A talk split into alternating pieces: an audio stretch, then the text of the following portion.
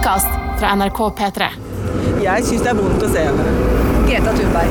Ja, jeg syns det er litt vondt å se henne. Altså, jeg synes hun er, det er litt som Malala. Jeg syns det blir litt overdramatisk. Det blir for mye? Og, det, ja. og, og hun sier jo at verden kommer til å gå til helvete, og det tror jeg ikke. Så jeg håper hun ikke skremmer folk.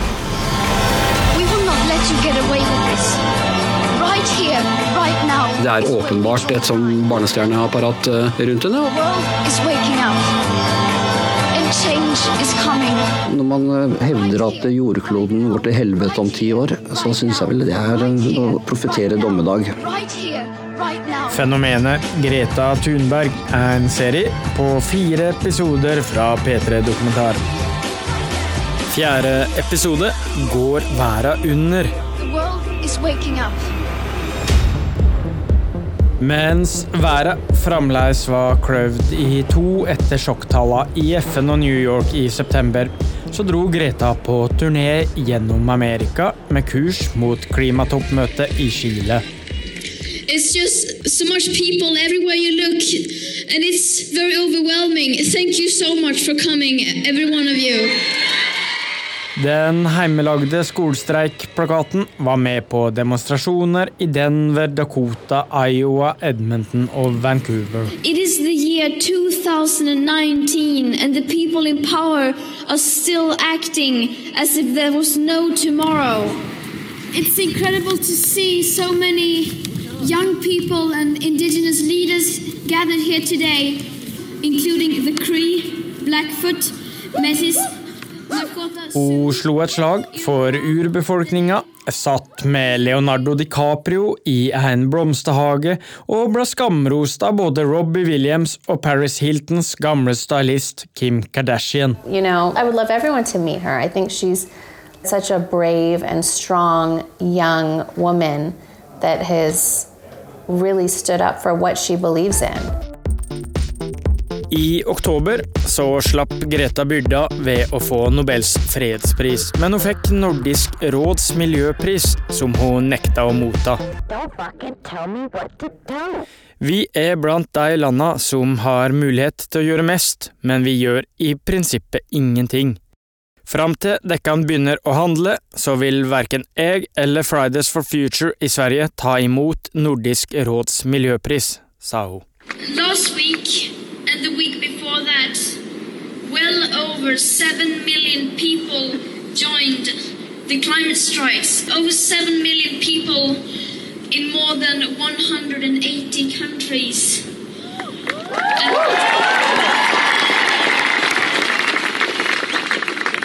And that is not something you can continue to ignore.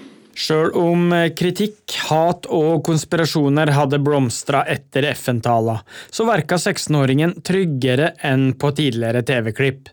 Det så ut som hun nøyt å stå der oppe på scenen foran tusenvis av folk. We teenagers and children shouldn't have to take the responsibility. But right now, the world leaders keep acting like children, and somebody needs to be the adult in the room.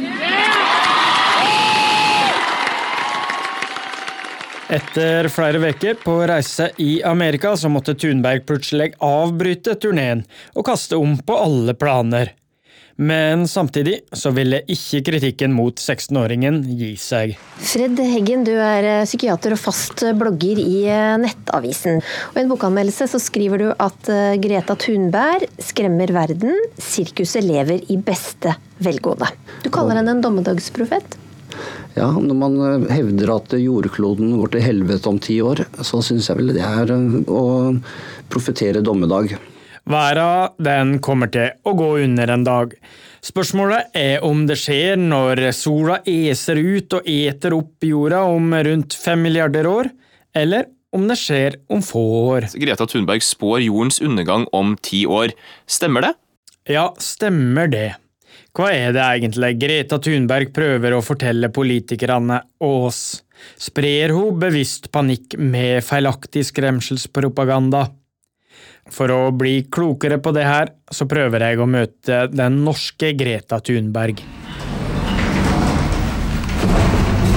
Heisen går opp. Dørene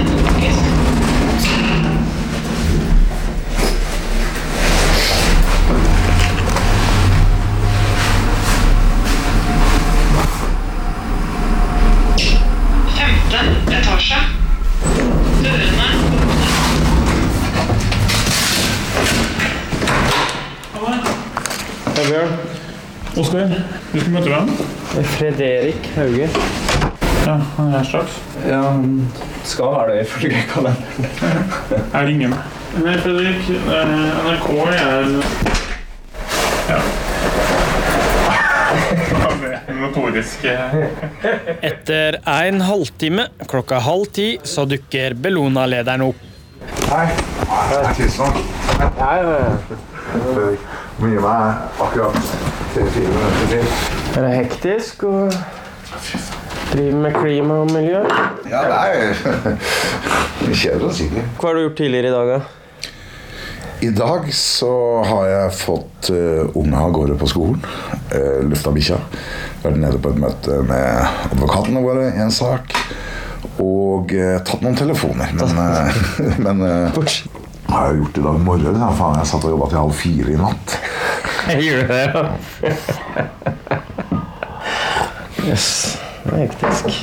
Fredrik Hauge er tydeligvis glad i å jobbe til seint på natt på kontoret sitt på Vulkantomta i Oslo. Jeg har full oversikt, da. Der har Stortinget leiligheter. Har de det? Hvem da? Nei, det er Botron. Ok. Det er derfor han er på Bar Vulkan. Er det sant? Oi. Mye diskusjoner her eh, over fra verandaen. Oi, så gøy. ja, det er både og, for de ser alt jeg gjør òg. Er det shady det òg, eller? Nei, jeg får mye klager på at jeg bryter arbeidsmiljøloven på overtid. Hauge har god oversikt over sin nærmeste nabo, Trond Giske. Men han har enda mer oversikt over klima og miljø, som han har holdt på med siden han gikk på ungdomsskolen. Da jeg var tolv år, så fikk jeg være med onkelen min og seile opp fra Trøndelag til Helgelandskysten, til Træna. Og så hørte jeg at det var snakk om at man skulle drive med oljeboring her. Og for meg var det en helt avsindig idé. Og den har bare blitt enda mer avsindig. Men Når var det her, da? 77 eller noe sånt Da. Og da var det jo også en stor ulykke i Nordsjøen med Ekofisk. Og så fikk man jo Alta-kampen, så det var liksom lov å engasjere seg. Så ble jeg med i Natur og Ungdom. Da var jeg vel tolv. Da var det jo mest sånn ut uh, å se på fugler og feltbiologi og kvekk, kvekk, mitt vannhull er vekk og sånne ting, da. Uh, og så starta vi å lage aksjoner der etter hvert. Etter hvert så slutta han også i Natur og Ungdom og stifta Bellona. Og så er det lederen for miljøstiftelsen Bellona, Fredrik Hauge, sin tur til å slippe til i radioavisa. Han har sammen med Natur og Ungdom i natt okkupert miljøvernminister Sissel Rønbeck sitt kontor. Hva har du og dere oppnådd med aksjonen, bortsett fra å komme på Dagsrevyen? Ehm, Det vi håper å oppnådd, er at eh, Rønbeck har skjønt at når eh, Natur, Ungdom og Miljøstiftelsen Bellona setter tidsfrister når en sak skal være ferdigbehandlet, så blir det overholdt, eller så blir det bråk. Right here, right. Så dro vi ned for å aksjonere mot Titania på Sør-Vestlandet, som hadde fått tillatelse til å slippe ut over to millioner tonn med gruveavfall i, i fjorden. Eller utafor fjorden. Og så trodde jo vi skulle vinne den saken i løpet av sommeren, men det gjorde vi jo ikke. Men vi fikk enormt med oppmerksomhet. Og da kom jeg egentlig aldri tilbake igjen på skolen. Så jeg, jeg streika ikke, jeg slutta skolen. Hauge er altså en enda mer ekstrem versjon av Greta Thunberg. Hva tenker du om Greta Thunberg? Ja? Jeg synes det er en fascinerende historie, og en viktig historie. Og jeg blir ordentlig glad av det engasjementet som hun skaper. Og så provoserer hun. Og jeg tror grunnen til at hun provoserer, det er at hun er 16 år. Og så gir hun en ganske brutal beskrivelse av virkeligheten. Og den tror jeg vi alle som jobber med dette, er enige om. Den er presis. Der har hun vært og snakket med forskere. Der har hun fått dette forklart godt. Og så sier hun det som gjør kanskje de eldre litt forbanna, da.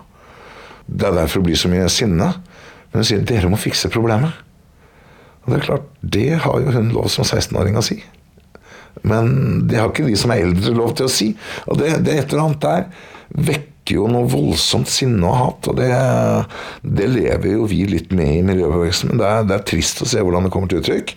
Men Hauge er bekymra for bevegelser som Thunberg har samarbeida med. Du får en bevegelse i kjølvannet av dette med Extinction Rebellion og den type ting.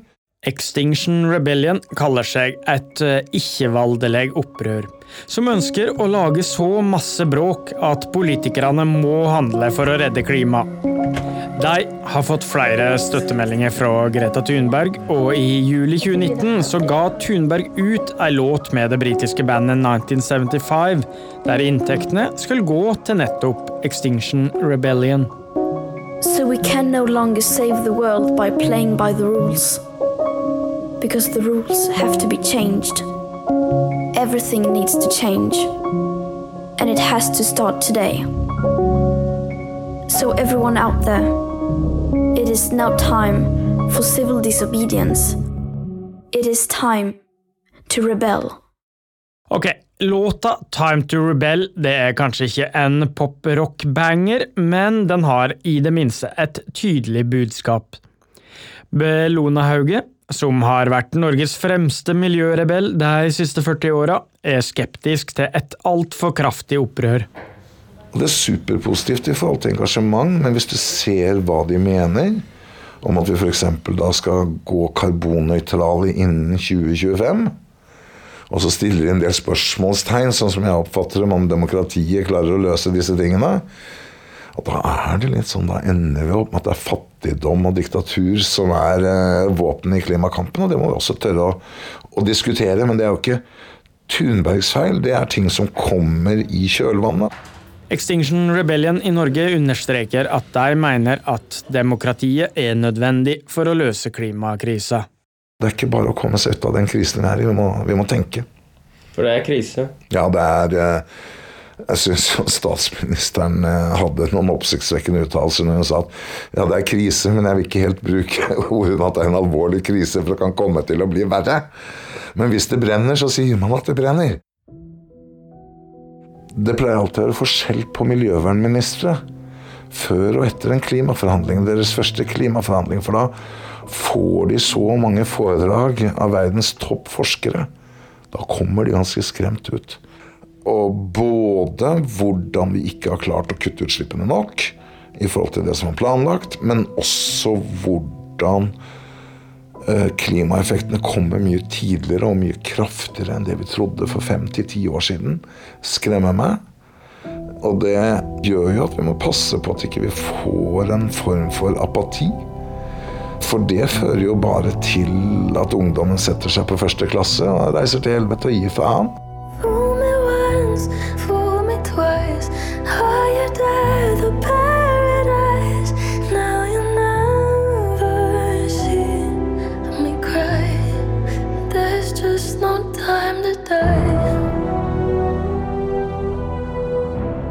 Ei som ikke reiste på første klasse til helvete, det var Greta Thunberg. Hun måtte derimot haike med et australsk seilhippiepar og en baby til Europa. For klimatoppmøtet i desember ble flytta fra Chile pga. opptøyer.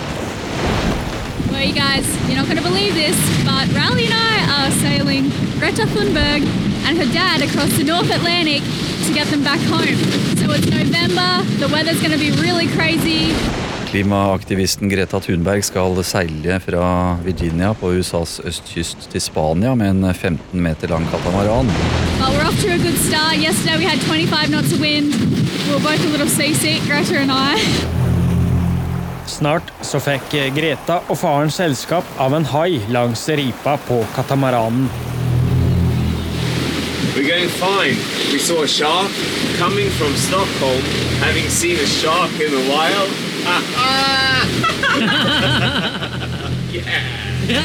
Sjøl om han digga både hai og seiling, så innrømma Svante Thunberg at han ikke hadde den enkleste farsrolla i verden.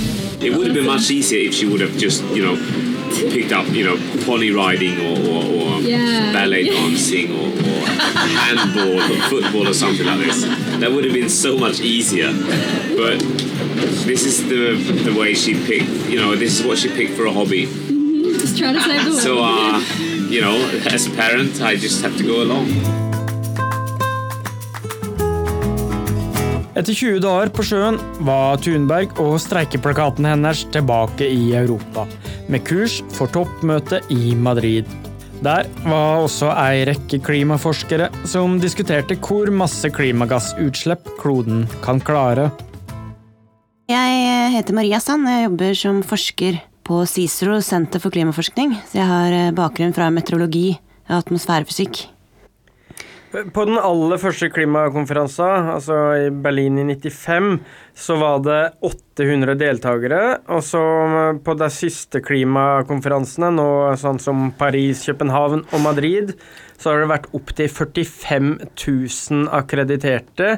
Og de fleste kommer da med fly, bortsett fra Greta Thunberg. Eh, hva tenker du om det? Altså Hvordan skal man ellers få det til? Selvfølgelig, det hadde vært fint om alle fant andre transportmidler, men noen ganger må man fly. Men sånn som i Europa er det jo mulig å ta tog, som er mye mer miljøvennlig å fly. Årlig så er det faktisk bare 3% av verdens befolkning som flyr. Det er oss rikeste som har skitna til atmosfæra. I fjor så ble det kjent at så lite som 20 selskap har stått for hele 35% av verdens klimagassutslipp. Og de rikeste av de rike de driver med olje.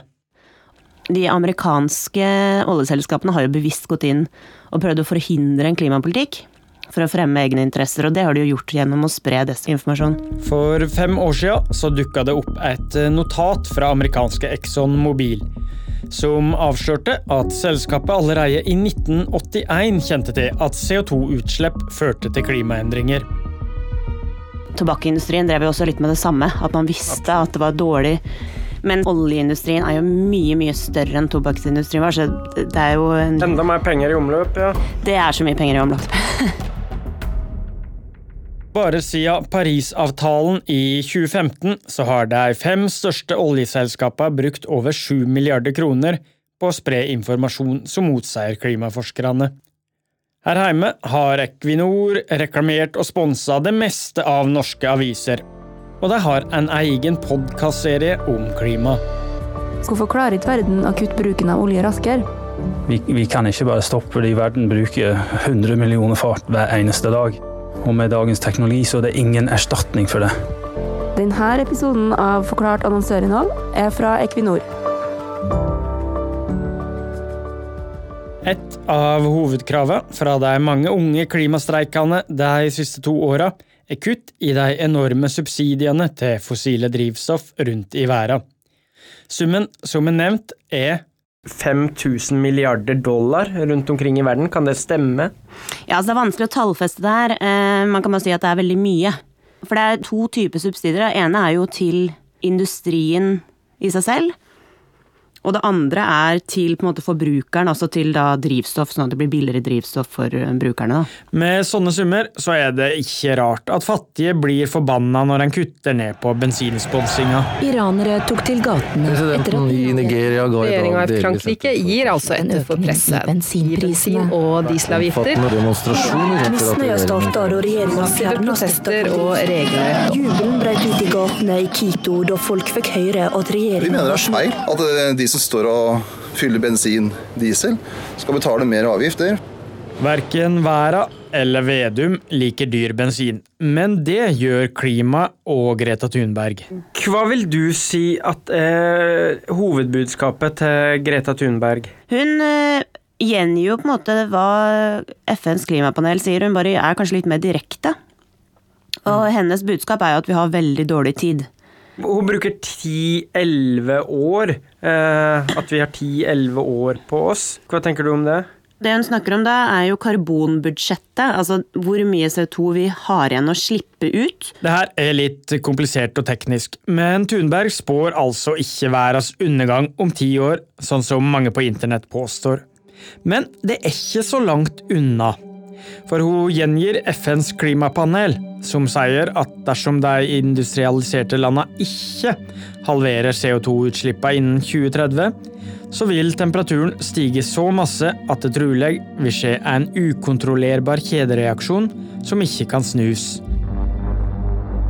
Og at dette mest trolig vil føre til slutten for vår sivilisasjon, sånn som vi kjenner den, står det.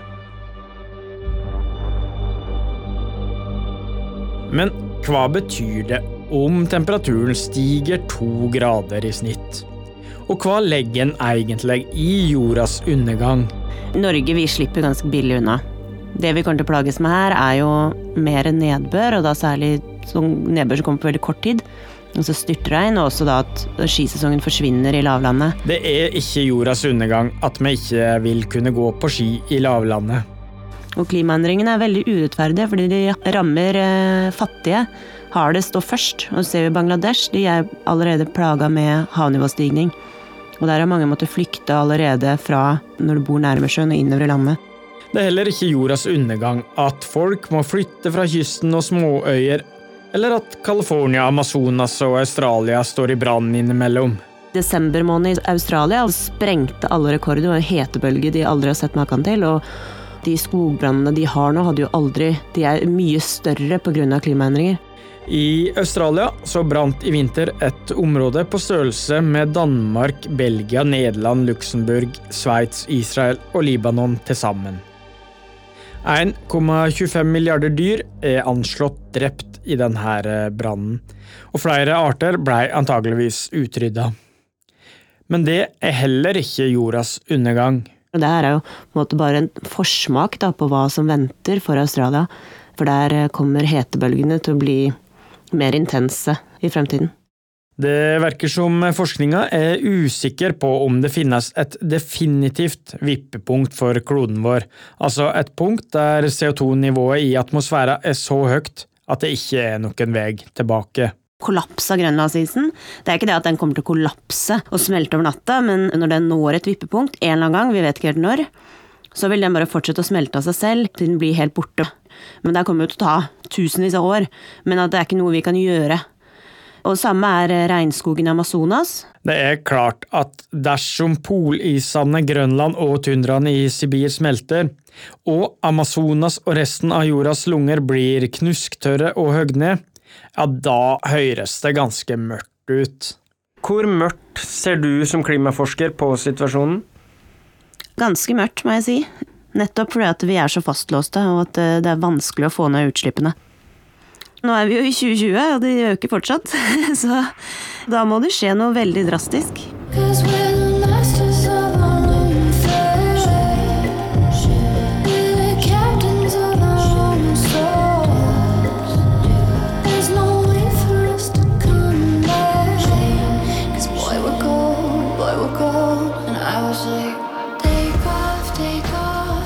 noe svært drastisk skjedde få dager etter at jeg intervjua klimaforsker Maria Sand. Og det her, det er da nye data som har kommet inn fra satellitten Centennial 5. og Den måler da uh, møkk i atmosfæren. Og den røde flekken i midten her, dette her, det er Italia. Danmark er høyt der oppe, Sverige, Storbritannia. Og der ser du nitrogen. Og der er det ganske mye fra begynnelsen av januar. Og så bare kjører vi den. Så du forskjellen? Det var nesten ikke noe rødt igjen. Nei, Så en positiv effekt ja. på luften og ja, ja, ja, klima har det i, i, hvert fall. I Kina så har utslippene falt med 25-30% i år, og noe lignende skjer i resten av verden. Men de færreste vil se på pest og død som løsninga på klimautfordringene.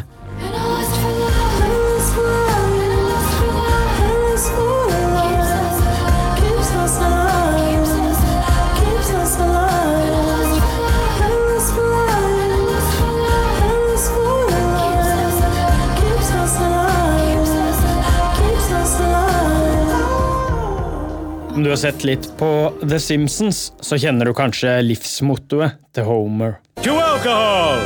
The cause of and solution to all of life's problem.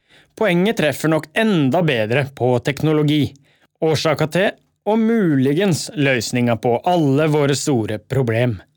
En ting er å peke på problemet, men hvordan fikser vi det? Det har jeg en stor interesse av. Jeg liker ikke problemer uten å finne løsningen. Med en far som var flyingeniør og pioneren bak vannskisporten i Norge, og en bestefar som var oppfinner, så er det kanskje ikke overraskende at Fredrik Hauge tidligere ble en pioner innen tekniske løsninger for klima. Allerede i 1991 så begynte Bellona med prosjekter for karbonfangst fange CO2-en, klimagassen, ut av utslippene fra industrien av kull og gass. Og putte det egentlig tilbake til der hvor det kom fra. Og det høres jo helt vanvittig ut, men egentlig da spesielt i siste FNs klimapanelsrapport, så er det jo ikke mulig å løse klimaproblemene uten den teknologien. I nyttårstala si inn i 2007 så brukte statsminister Jens Stoltenberg store ord om Fredrik Hauges gamle hjertebarn. Norge påtar seg en pionerrolle når vi har bestemt at gasskraftverket på Mongstad skal ha rensing av klimagassen CO2. Det er vår månelanding. Men, men, du, for deg av våre unge lyttere som ikke husker det, så ble du statsminister første gang i 2000. Mm. Da gikk Bondevik av fordi han nekta å bygge gasskraftverk uten rensing. Uh, og så Det siste som nå skjedde etter dine åtte år som statsminister, det var den månelandinga med gasskraftrensing. Den landa vel litt sånn i fjæresteinene utafor Mongstad. Det viktigste vi skulle få til på Mongstad, det var å lage teknologi som gjør at vi kunne fange mer karbon. Eh, og der har vi fått eh, åpnet, satt i gang verdens største teknologisenter for å utvikle den teknologien. Det kommer selskap fra mange deler av verden og jobber der. Et svært teknologisenter som kostet en god del milliarder. Fredrik Hauge. Testanlegget har jo vist at teknologien virker. Testanlegget tester ut stadig nye teknologier. Det triste er jo at vi ikke har fått bygd fullskala fangst og anlegg. Og når du spør om det blir liggende, ja det prosjektet det ble ødelagt av den gang Statoil. og eh, jeg mener også at daværende regjering og daværende miljøvernminister Erik Solheim har et stort ansvar for det som skjedde. Problemet med å stole på ny teknologi er at det koster fryktelig masse penger å utvikle, og at det tar lang tid å finne opp. Men Fredrik Hauge han verker ikke å tørre annet enn å være optimist. Nå er det CO2-fangst og -lagring og nye former for å dyrke bioenergi som vi virkelig mangler løsninger på i klimakampen. Mens vi har fått sol, vindkraft. Jeg tror vi får til batterier også til en bra pris. Hydrogen kommer til å komme som en rolle. Vi skal ned på klimakonferansen i Madrid nå og presentere hva vi gjør i Midtøsten, i ørkenen der, med saltvannsteknologi for å gjøre ørkenen grønn. Og dyrke mat med sol og saltvann. Og det gir håp, det, altså. Kjører båtene? Nei, eh, jeg eier jo ikke Skam, så jeg flyr. Men, men, jeg er opptatt av at veldig mye i miljødebatten har endt opp med å moralisere. Og vi har alle vårt personlige ansvar. Jeg flyr ikke mye på ferie privat. Da drar jeg gjerne og seiler, eller kjører elektrisk. Men i jobbsammenheng så er jeg helt avhengig av det, og det gjør at vi må finne nye måter. Bellona jobber også med å dyrke tang og tare i havet for å binde karbon. Og for å lage en helt ny type svovelbatterier med bedre miljøavtrykk og opptil ti ganger så stor lagringskapasitet. Det er et av verdens virkelig store håp. Fordi at det betyr at folk kan begynne å produsere og bruke energi lokalt selv. Uten å være svære, avhengig av disse enorme, svære internasjonale energikonsernene som ja, de gir oss elektrisitet på den ene siden, men de sponser Trump på den andre. Det er sånn at i Norge så kommer vi til tydeligvis å investere fortsatt i olje inntil vi har noe bedre å investere i. Da kan jeg sitte og kjefte på det, eller så kan jeg prøve å bygge en batterifabrikk som skaper noen tusen arbeidsplasser, og vise at det går an. Greta Thunberg er ikke like optimistisk som Fredrik Hauge på vegne av teknologi. I fortellinga hennes så står det blant annet For hver elbil så kommer det en ny vannskuter. For hver person på bussen så kommer det en ny bensindrive SUV. For hver veganer er ny importert brasiliansk oksefilet, og for hvert menneske som avstår fra å fly, en ny helgetur til Madrid. Thunberg vil at folk skal kutte ned på fly- og forbruksfesten, akkurat som nå under koronapesten. Og hun vil ha radikal politikk og lovgivning. Right here, right now. Sjøl så lurer jeg f.eks. på hvorfor det er fordyrende moms på reparasjoner, og bare to års reklamasjonsrett på slikt som elektronikk og smarttelefoner.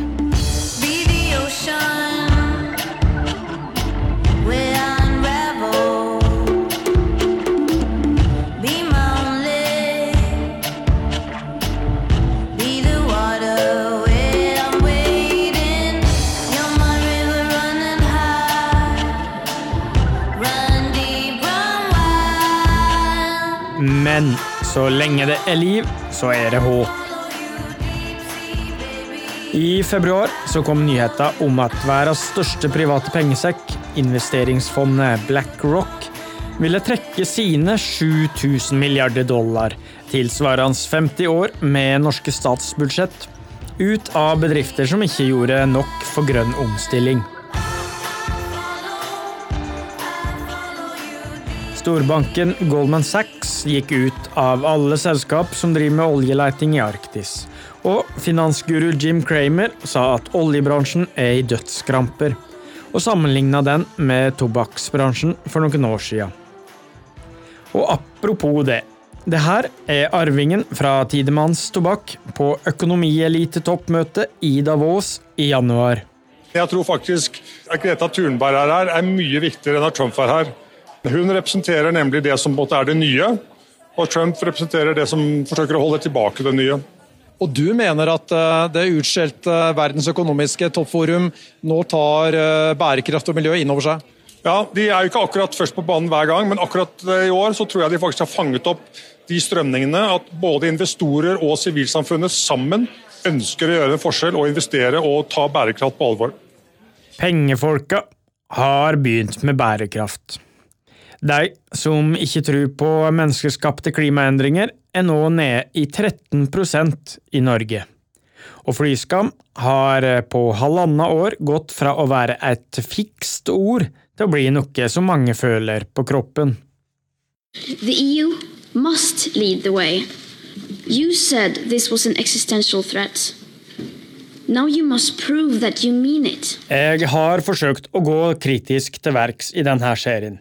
Ikke til allmenn akseptert forskning, men til fenomenet Greta Thunberg.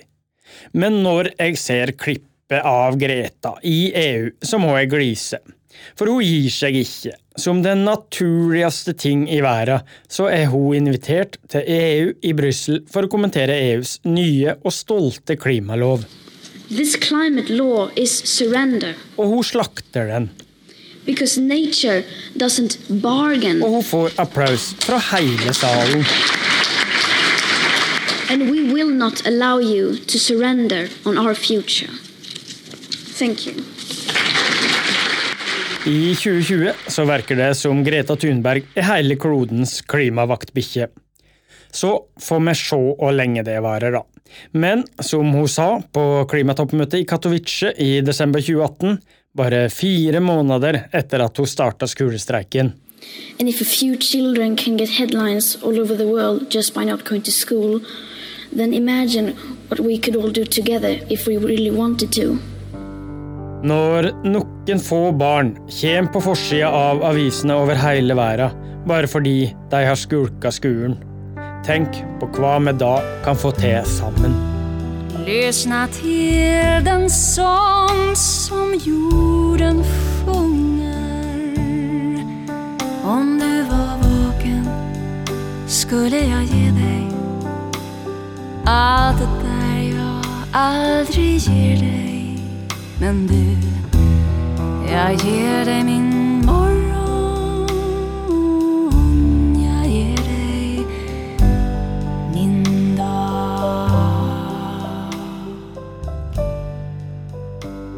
Det er jeg, Vebjørn Svendsen Espeland, som har laga denne serien for NRK P3 Dokumentar. Lyddesign er det som vanlig Hilde Amadeus Rolfsnes som står for. Konsulenter har vært Line Orfjell, Maria Lindberg, Ludvig Løkholm, Levin og Stine Melbø.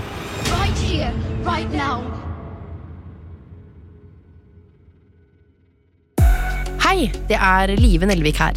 Jeg har tre barn, og noe av det mest fantastiske jeg har opplevd i livet, det er å bli lastet ned som podkast av deg. Hver uke i Lørdagsrådet løser kjente fjes helt vanlige og nokså uvanlige problemer. Som for eksempel jeg er vegetarianer, men snikspiser kjøtt. Eller kjæresten min tror ikke på månelandingen, må jeg slå opp? Det vi prøver å løse, det er ekte, og det er sendt inn av deg. Last ned Lørdagsrådet og andre podkaster i appen NRK Radio.